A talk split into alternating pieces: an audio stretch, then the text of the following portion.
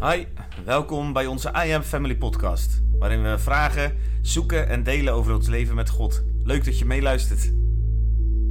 Steeds met Rick en met uh, Michelle. En we hebben het hartstikke gezellig hier, toch? Hè? Ja, ja. Ja, zeker. Ja, dat is het voordeel als er geen beeld bij is, dan kan je, kan je lekker hangen en zitten en uh, helemaal chillen. Nou, dat zijn we aan het doen.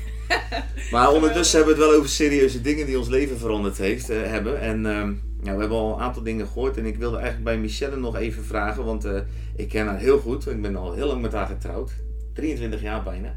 En uh, zij vertelde hoe de Heilige Geest op een bepaald moment met kracht in haar leven kwam en dat ze toen Gods stem heel, nou, heel letterlijk en heel duidelijk ging verstaan en dat God haar ook missies gaf om op mensen af te gaan. En dat, dat doet hij tot op de dag van vandaag. Maar eigenlijk heb ik jou ook vaak horen vertellen hoe je eigenlijk vanaf kinds af aan al uh, een soort babbelde met God of contact met God, terwijl dat eigenlijk in het milieu waar jij opgegroeid was absoluut uh, niet de bedoeling was, zeg maar. Ja, dat klopt, ja. Ja, ik denk dat het, uh, dat komt naar boven op het moment dat mensen eigenlijk aan je gaan vragen, ja, wanneer uh, kende je de Heer Jezus eigenlijk?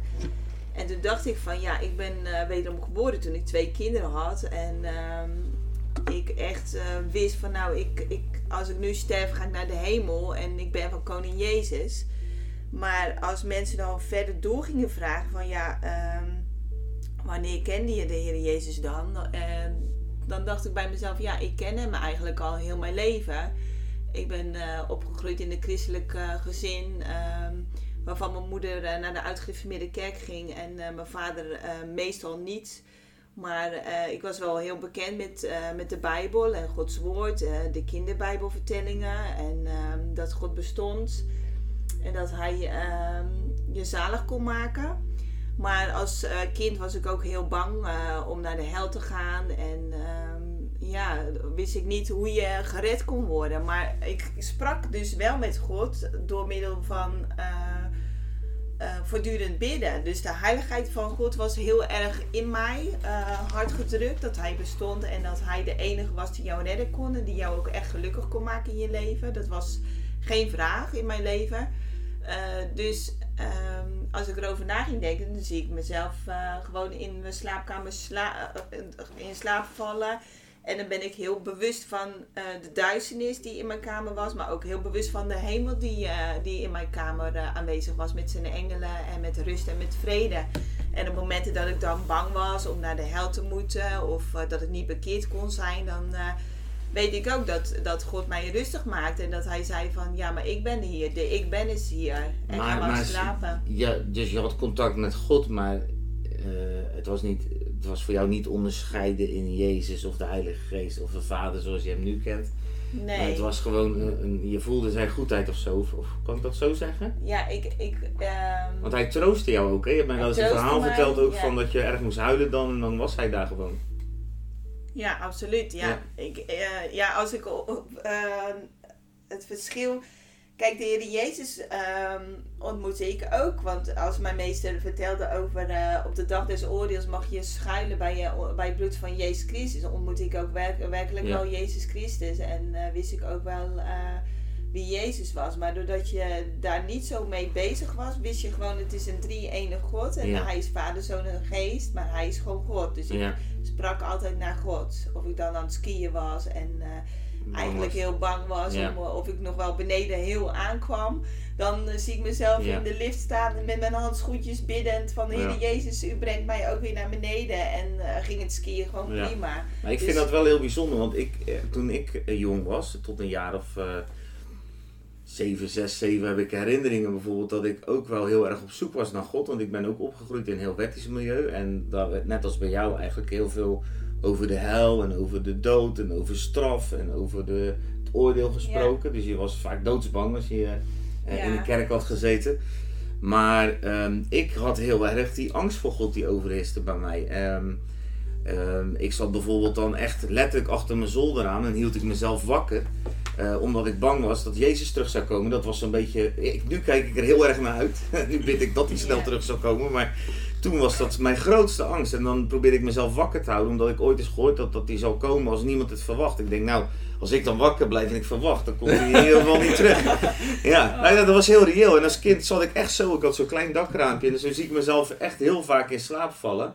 eh, dat je dan gewoon omvalt. Maar jij had niet die angst. Maar dat komt misschien ook omdat je bijvoorbeeld een opa had die toch wel gelovig was. Ja, ik denk dat die had het, die eh, mensen dus- toch wel de positieve kant van Jezus. Ja, Of van absoluut. ja. Ja. ik, heb, eh, ik heb naast eh, het, de angst en het uitgereformeerde eh, opvoeding heb ik ook wel echt heel veel andere christelijke opvoeding eigenlijk gekregen. Dus ik herken, herinner me wel, op een christelijke basisschool zat ik en, en, en zag, ontmoette ik eigenlijk God in verschillende leerkrachten ook, die prachtige eh, gedichten van Jezus bijvoorbeeld in je poesiealbum schreven. En dan dacht ik echt van wauw, dit raakt me echt. Die man heeft zo de moeite genomen om, om dit voor mij speciaal zo te maken. En da- daar ontmoette ik een stukje van het ha- vaderhart van God. Dat God echt bewogen is met ieder kind. En ook al is het voor zo'n man, eh, ben ik de 25ste leerling waarin hij, eh, dat schrijft in mijn poesiealbum. Ja. Hij nam de moeite en hij, hij vertelde mij tegelijkertijd ook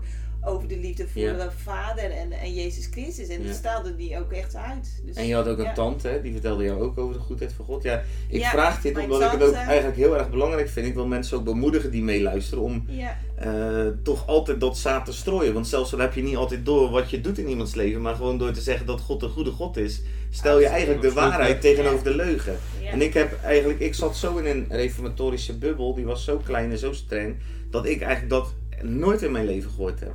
Toen Ja. ik jong was. Dus ergens heeft dat bij jou wel veel meer rust en troost. En ik denk dat het je ook voor heel veel ellende behoed heeft, als ik jouw levensverhaal zo ken. Eh, wat in mijn leven uiteindelijk wel door die angst. En ik ben in isolement gegaan. En ik ben eigenlijk gaan vluchten in allerlei zonde en ellende. En, en Ja. eh, ben gaan, gaan uitleven. En terwijl jij eigenlijk toch wel een soort relatie met God ontwikkelt. Ja, absoluut. Ja. Mijn, eh, ik zie in, op mijn levenspad werkelijk allerlei punten waarin God gewoon in heeft gegrepen. Dus als ik zat te zappen op de televisie, dan zapte ik op ronduit prees. En dan kwam gewoon Jezus eh, en het volle evangelie in mijn eh, woonkamer. En wist ik gewoon van, wauw, je kan gered worden. En deze mensen die, sp- die spreken over een, een God Ja. van genade, een God van liefde.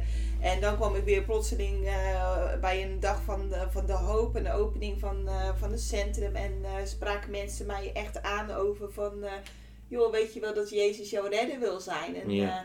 Ja, ja ik zie dat God eh, vele mensen en vele middelen heeft eh, ingezet om, eh, om mij telkens naast die angst en naast dat hele serieuze van, ja, kan ik wel bekeerd worden, toch ook echt liet zien van, ja, komt het mij allen die belast en vermoeid zijn en ik zal Ja. je rust geven. Mooi. En ik wist gewoon dat, dat ik dat bij God alleen moest zoeken. Ja. Ja, en dat hij het ook geven kon.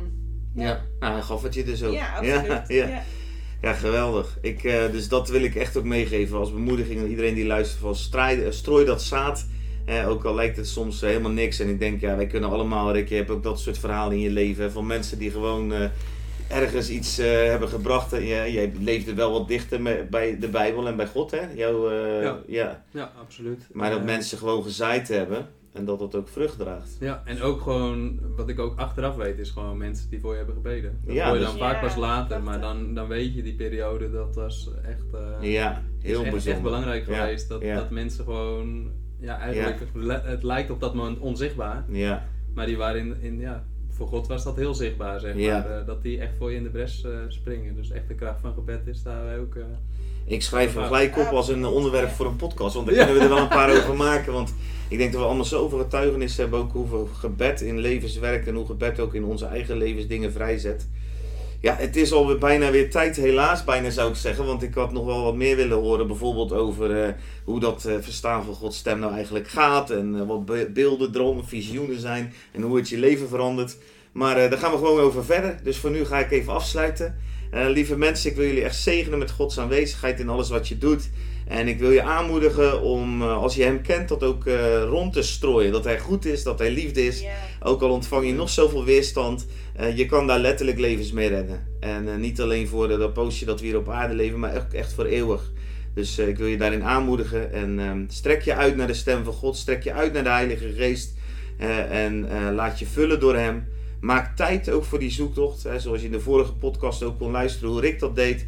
Dat hij eh, altijd tijd maakte om ehm, ja, gewoon met God daarin te zijn en dingen op te schrijven. En eh, nou ja, dat is ook in mijn verhaal zo. Ik heb zoveel geschreven. Een eigen ontdekkingsreis eigenlijk geschreven met God.